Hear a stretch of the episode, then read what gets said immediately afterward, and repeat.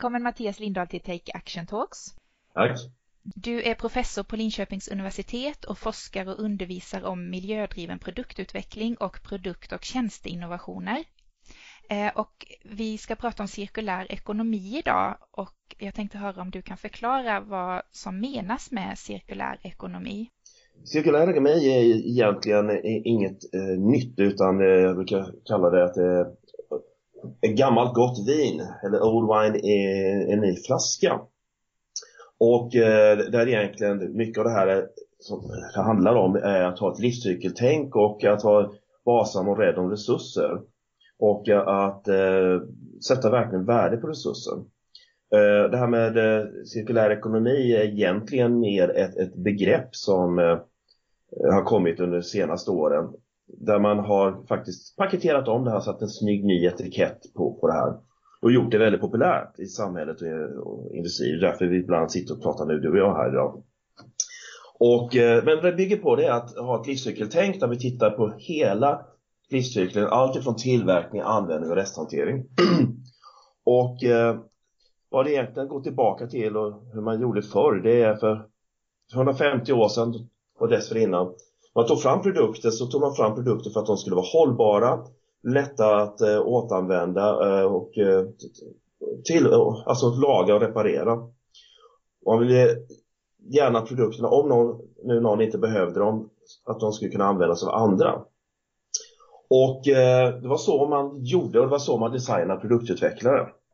Eh, man såg en ära och man hade väldigt djup respekt för resurser, för resurser som sagt var en, en knapp vara. Eh, så det är eh, utgångspunkten och sen har vi haft då en parentes här av lite olika anledningar på 100-150 år där vi har eh, gått ifrån det här med att verkligen vårda resurser till att eh, ha ett mer linjärt tänk. Vilket egentligen bryter mot hur naturen jobbar. Och vi är faktiskt en del av naturen så att egentligen, vi bör återgå till hur vi alltid har varit och gjort i vårt samhälle. Och den här parentesen är ju med industrialiseringen och med konsumtionen och med... Ja, och den, den kom sig av att när, när eh, industrialismen kom eh, så började vi, vi fick ju, vi måste ta två saker. Vi fick industrialismen, fick boktryckarkonsten, vi började dela kunskap på ett sätt som vi aldrig gjort innan. Och vi börjar snabbt bygga kunskap. Och eh, vi har även kolonierna som förser eh, västvärlden med mycket resurser som till synes verkar vara oändliga. Och vår ökade kunskap också möjliggör att vi får tillgång till nya typer av resurser som vi aldrig tidigare har haft access till. Och vi får även eh, med ångmaskiner och, och följande ottermotor och sånt möjligheter som vi, att kunna transportera på ett helt, helt för mänskligheten mirakulöst sätt. Och det gör det att, och vi börjar då massproducera, speciellt i England och USA. Och vi får en förflyttning då från landsbygden till stan, eh, till fabriker. Och när man då börjar massproduktionen så håller man fortfarande på de här eh, principerna att man ska ta och tillverka produkter som är hållbara, lätta att eh, reparera och serva. Men, men efter ett tag så börjar man få problem. För, och de här, de här gratis, till synes gratis resurserna gör att du får en otrolig produktion men problemet blir det att eh, när kunderna då väl har en produkt så börjar de tappa intresse av att skaffa en ny produkt för att de varför skaffa något nytt när det man, det man har redan fungerar? Mm. Så eh, man börjar få en rädsla i, bland beslutsfattare i 1900-talets början för massarbetslöshet. För vem ska köpa produkterna? I denna ständiga ökade produktions, eh, vad heter produktivitets eh, era där. Så att, och, och där har man så då också problem att man haft den här stora förflyttningen från, av människor från landsbygd till stan. Så man börjar bli jätteorolig och eh, man kallar in eh, Jan Maynard Keynes eh, som är ekonom för att eh, tillsammans med sina förändra, hitta en lösning. Och han skrev ju en bok som många har eh, citerat men väldigt få har läst. Och det är många som inte tänker på vad är titeln. Och titeln kopplar just till det jag sa innan här. Den heter The General Theory of Employment. Så employment kommer alltså först här. Sen kommer det vidare Interest and money. Men employment är det huvudvikt, alltså det viktigaste budskapet där. Och när jag skriver det som lösning då är det att I should support at the same time all sorts of policies for increasing the propensity to consume. Och här lyfter man in då begreppet konsumera för man vill att produkterna då ska konsumeras, inte hålla allt för länge. For it's unlikely that full employment can be maintained whatever we may do about investment with the existing propensity to consume. Så man lyfter in idén att vi ska bli konsumenter. Vi ska alltså konsumera och förbruka produkter. Och ett sätt att göra detta det är att se till att produkterna inte håller mer än lagom länge. De ska hålla så länge så att vi är nöjda men sen ska vi komma tillbaka och, och vill ha nya produkter. Och då börjar man bygga in det här begreppet kvalitet. Man vill ha rätt kvalitet, att saker och ting ska hålla lagom länge. Och man börjar även bygga in det här med, med planerat föråldrande. Eh, och eh, man börjar få mer fokus på mode och modeförändringar. Och eh, det är ett sätt då att hålla upp industrins produktion så att vi kan ha full eh, sysselsättning. sysselsättning. Mm. och, och, en annan av hans eh, vänner, Viktor Lebov, eh, som också är värd att nämna, han definierade egentligen i en artikel eh, från 55 det som vi idag kallar the American Dream. Eh, och det är ganska intressant att eh, läsa vad han skrev. Jag kan citera. Han sa så här. Our enormously productive economy demands that we make consumption our way of life. That we convert the buying and use of goods into rituals. That we seek our spiritual satisfaction, our ego satisfaction in consumption. We need things consumed, burned up, replaced and discarded at an ever accelerating rate. Och det är ju där vi har varit under de senaste 50-60 åren. Och, och samtidigt har då samhället byggt upp kring detta. Att vi ska bli, vi ska konsumera, vi ska förbruka. Och det är ju då även lagstiftning, vi har, eh, ja, hela samhällstänket är uppbyggt kring detta. Och där vi kanske då inte är medvetna om var det kommer ifrån och vilka effekter det får. Sen har vi ju senaste 20-30 åren blivit medvetna om de miljöproblem som finns eh, kopplat till vårt sätt att konsumera. Vi har också blivit medvetna om att eh, resurserna är ju inte oändliga utan de är ju ändliga. Men det är där vi kommer ifrån. Och det är där vi står lite idag då, att vi börjar prata om att vi behöver återgå till den cirkulära ekonomin. Ja, och eh, det, ja förlåt. Nej, jag, nej, fortsätt du gärna. Ja, och det är där vi har en, en, bra grund då. För att om, om ni kommer ihåg att jag sa i början här att, eh, att jag sa att cirkulär ekonomi egentligen är old wine in the new bottle. Mm. Och det är det här med livscykeltänket. Vi har ju, och det här är bra att det är old wine in the new bottle. För det, det här med livscykeltänk har vi hållit på med under de senaste 20-30 åren och forskat. Vi har väldigt mycket kunskap. Och vi har även historiskt mycket kunskap hur man bör tänka. Och det, det är också då bra det att eh, det har varit jobbigt om det var något helt nytt. Men det är också bra att vi vet att tidigare så levde vi i ett samhälle som var mer resurseffektivt eh, eller resursbeaktande. Resurseffektivt kanske är fel att säga. Men vi lever i ett samhälle där man faktiskt vårdar sina resurser på ett mer bättre sätt än idag. Och det gör det att har vi då kunnat ställa om samhället på 100 år ungefär så ser jag stora möjligheter också att vi kan ställa tillbaka samhället till ett mer resurseffektivt och resursvårdande samhälle igen. Och jag, jag, ja, jag ser det som positivt. Ja, precis. Att, vi, vi, vet vad vi ska och att vi, ja, vi, vi har varit där förut men att ja. vi kan göra det mer mm, ja. effektivt. Tillbaks till hur det var då fast minus fattigdomen. Ja, eh. minus fattigdom och andra eh, olyckliga saker som jag menar med sjukdomar och mm det finns, alltså industrialismen har ju också fört väldigt mycket positivt i vårt samhälle. Nu gäller det att vi tänker till och plocka bort de negativa delarna. Men hur, hur ska det här gå till då? Vilka, ehm, vilka typer av åtgärder skulle du vilja se för att skynda på den här implementeringen av cirkulär ekonomi då både i Sverige och i världen? Vilka ja, utmaningar? Ja, jag ser det att eh, politiker bland annat bör, bör titta över hur ser lagstiftningen ut? Vad är det som hindrar en eh, mer återgång till att ha fokus på resurseffektivitet och, och istället för produkter, funktioner och tjänster. Mm. Och titta över lagstiftningen. Vi kan gå in på ägandelagstiftningen och skattelagstiftningen så finns en mängd olika sådana styrmedel som faktiskt styr att det är fördelaktigare att äga massa produkter idag än att kanske köpa tjänster och service.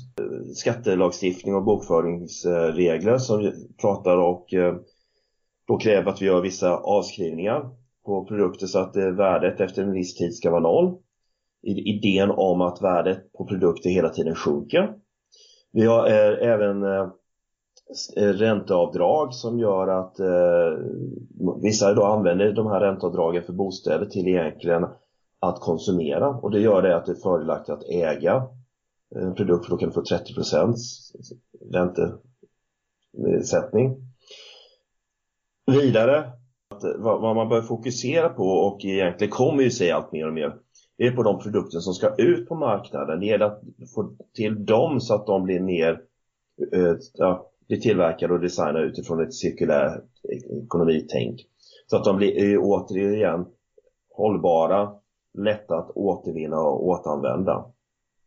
Och framförallt huvudfokuset ska vara inte på materialåtervinning utan att se till att verkligen produkt återanvända. Och, och, där behöver regeringen eh, och riksdag framförallt se över vad man fokuserar på. Mycket fokus har än så länge varit på att titta på, på produkter, återanvändning och återvinning av produkter som redan finns på marknaden. Men de är lite för sent för de... Så det, de det, finns redan. Mm. redan. Mm.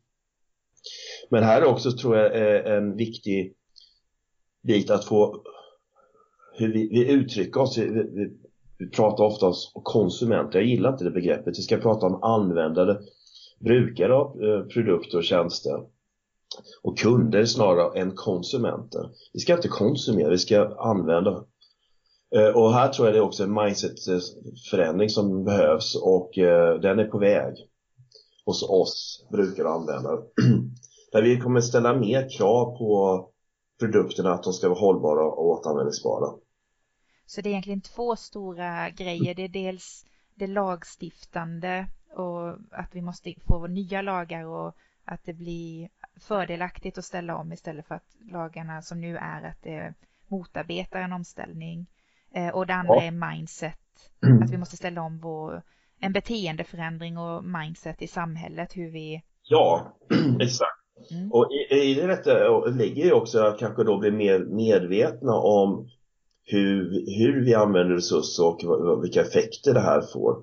Eh, under lång tid har vi liksom haft eh, mycket drivet av industrin, men även samhället. Vi får inte bara skylla allting på industrin. Det här har ju varit någonting som samhället eftersträvade, att vi skulle konsumera för att vi skulle vara goda samhällsmedborgare. Eh, men, men, där fokus har varit väldigt mycket bara på till exempel priset på produkten. Mm. Eh, och eh, så har det, när man har köpt en ny tvättmaskin så har i princip bara fokuset varit på vad kostar tvättmaskinen. Mm. Medan tvättmaskinens inköpspris är bara en liten del av den totala kostnaden och även då livscykelkostnaden och miljökostnaden. Det är under användningsfasen som en stor del av miljöpåverkan uppkommer och även kostnaden när vi använder tvättmedel, vatten och energi. Och, och här gäller det att kunder blir mer medvetna om detta. V vad är det för kostnader totalt som en produkt har? och hur kan man hålla ner den totala kostnaden. Så det gäller kläder, det gäller i princip nästan allt vi omger oss med att vi har varit väldigt dåliga på att ha koll på totala kostnaderna. Utan vi har, och vi har låtit oss luras att ja, men det är ett billigt pris, så köper vi den. Eh, och vi har bara sett på inköpspris. Och, och eh, vi har också varit väldigt oreflekterande över eh, vad vi har totalt för kostnader vi omger oss med. Det är många till exempel, vi har aldrig haft så stora lägenheter och bostäder som vi har idag. Men vi har också aldrig haft så mycket produkter som vi har idag i våra eh, bostäder. Som egentligen mestadels bara lagrar. Eh, jag kan uppmana er som eh, lyssnar på det här att fundera på hur många produkter ni har hemma och fundera på hur många produkter ni faktiskt använder av de där produkterna någorlunda frekvent.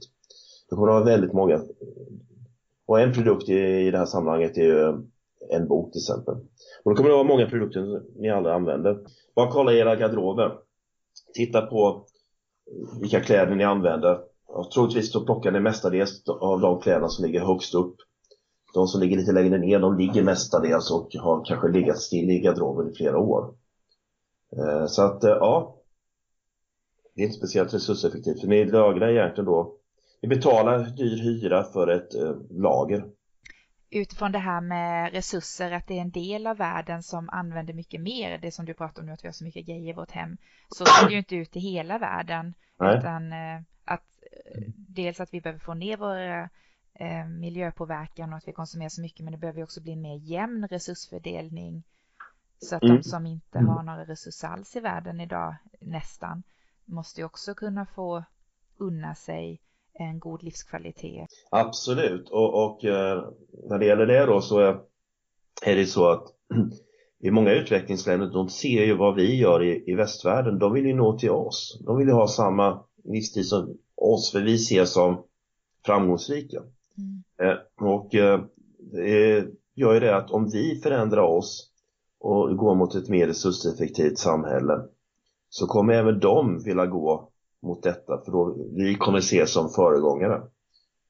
Så att vad vi gör här hemma kommer ha stor påverkan på även resten av världen. Och det är egentligen det här med att vara resurseffektiv. Eh, det gör ju också möjlighet att de kan få tillgång till mer resurser.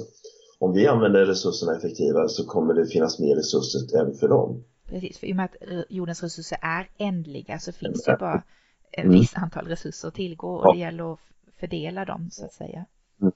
Men hur, man pratar ju om eh, det, det sociala hållbarhet, ekonomisk mm. hållbarhet och miljömässig hållbarhet. Mm. Och vi har ju förstått att det ur ett miljöperspektiv definitivt är fördelaktigt att ställa om.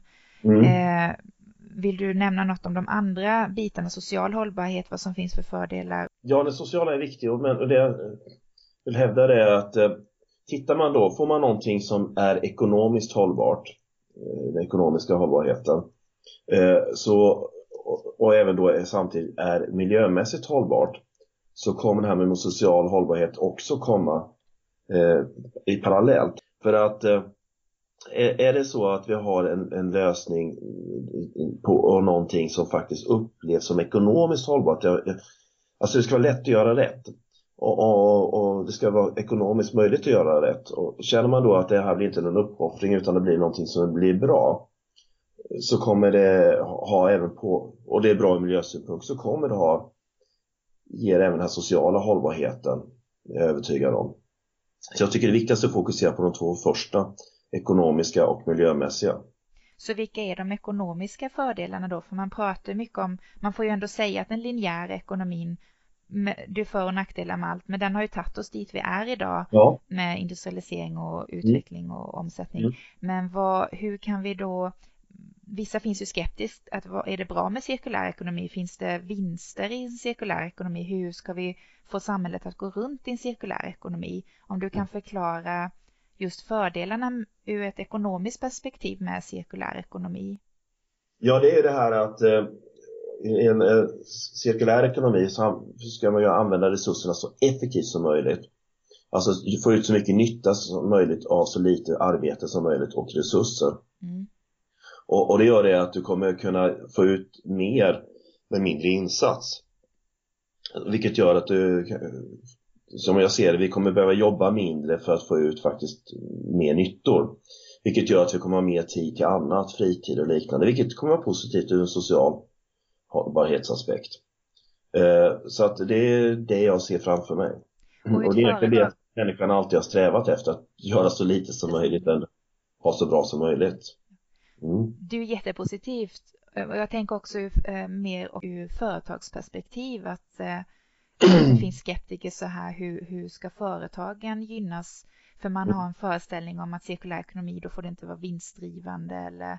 Det här med vinst, det är en bra cirkulär ekonomi gör ju att du har vinst, du, du gör besparingar, du, du, du tjänar pengar, annars så kommer det aldrig hålla. hålla. En, en ekonomi som inte, alltså som är ineffektiv kommer ge förlust. Utan vi ser är att om du kan göra som företag lösningar som faktiskt eh, är mer resurseffektiva och ger besparingar så kommer det ge vinster. Du gör saker och ting smartare. Du kommer konkurrera ut de som inte är smarta och är resurseffektiva. Så att vinst är jätteviktigt att det finns. Kan du ge något exempel på hur företag och näringsliv jobbar med eller skulle kunna jobba med effektivt med cirkulär ekonomi och få vinst på detta? Hur, hur ekonomisk, cirkulär ekonomi ska bedrivas?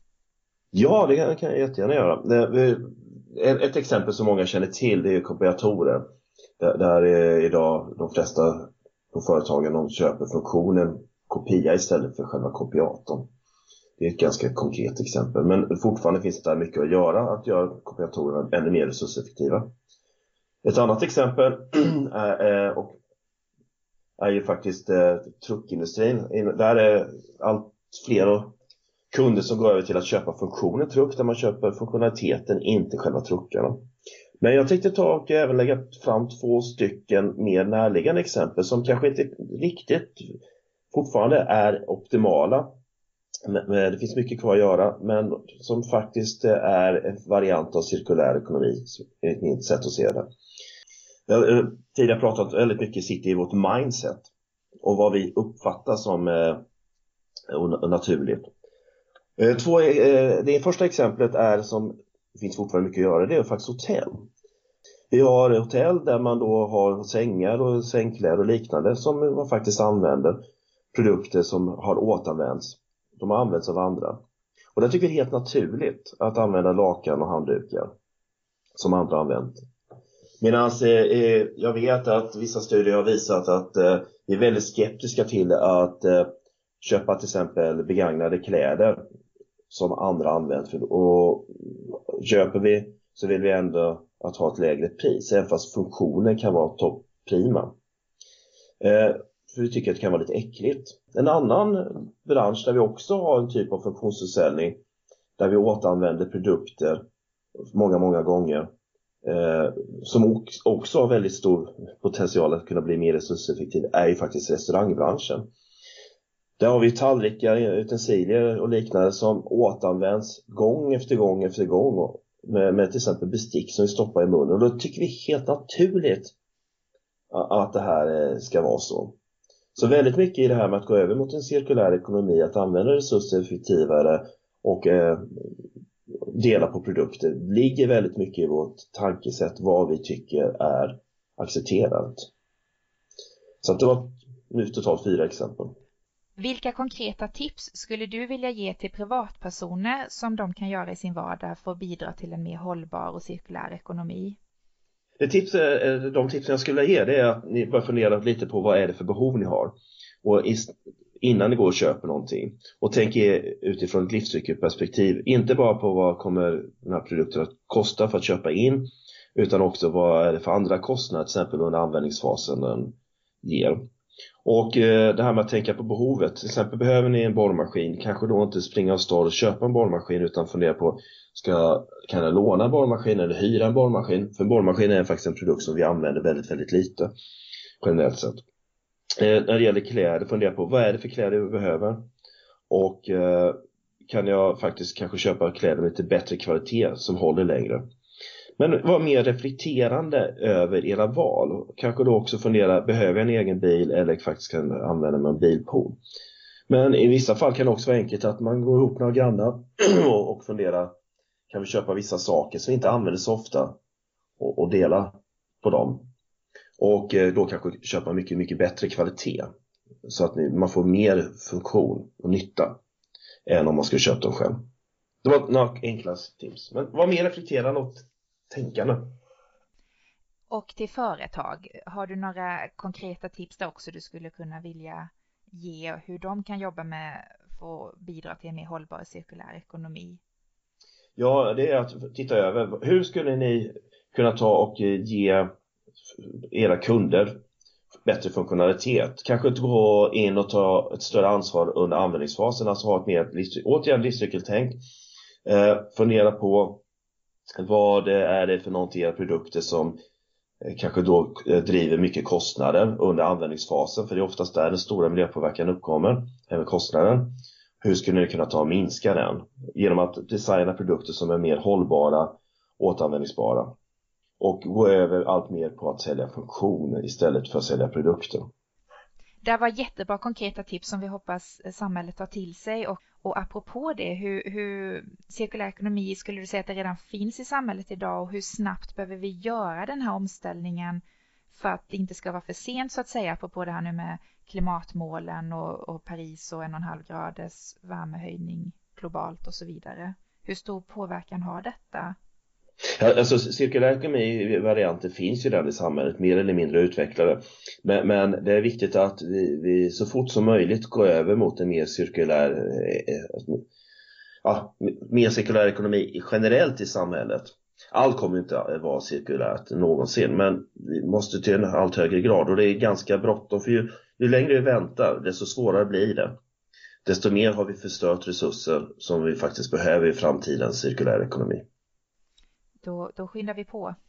Ja, och jag eh, poängterar just att det aldrig varit, eh, och kommer nog inte bli någon gång, speciellt intelligent att vara resursineffektiv. Att inte använda de resurser man har på ett smart sätt. Så att eh, jag ser det här med cirkulär ekonomi och de tankegångar, det här med livscykeltänk, att det är någonting som kommer kunna vara väldigt värdefullt och kommer vara värdefullt för mänskligheten och vårt samhälle. Jag skulle vilja tacka dig jättemycket Mattias. Eh, så kanske vi hörs längre fram igen. Gör vi säkert. Stort tack. Ja, ha det bra.